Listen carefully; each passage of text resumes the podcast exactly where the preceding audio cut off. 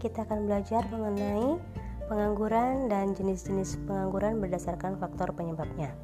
Nah, pengangguran. Apa itu pengangguran? Pengangguran adalah angkatan kerja yang tidak bekerja sama sekali atau sedang proses dalam mencari pekerjaan. Nah, selanjutnya kita akan belajar jenis-jenis pekerjaan berdasarkan e, faktor penyebabnya. Yang pertama adalah pengangguran struktural. Apa itu pengangguran struktural? Pengangguran yang terjadi karena perubahan struktur ekonomi.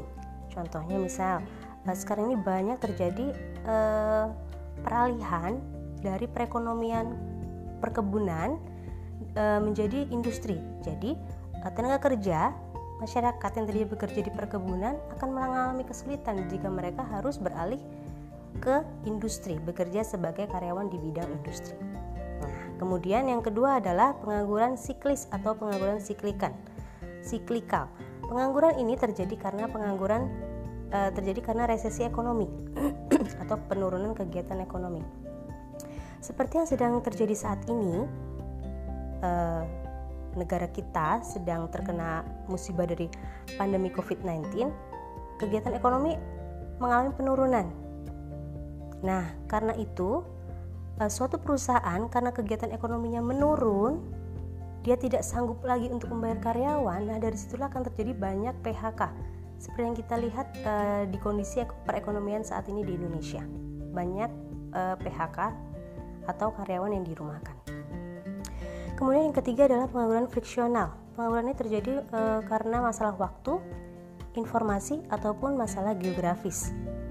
Contohnya adalah sistem yang sulit untuk mempertemukan pencari kerja dengan lowongan pekerjaan. Nah, yang terakhir adalah pengangguran teknologi Pengangguran ini terjadi karena e, tenaga manusia digantikan oleh tenaga mesin atau teknologi.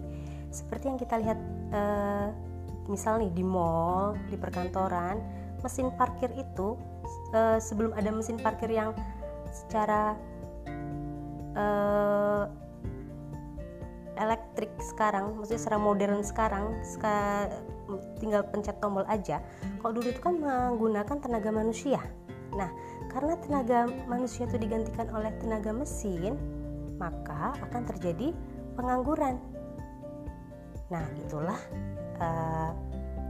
jenis jenis-jenis pengangguran berdasarkan faktor penyebabnya.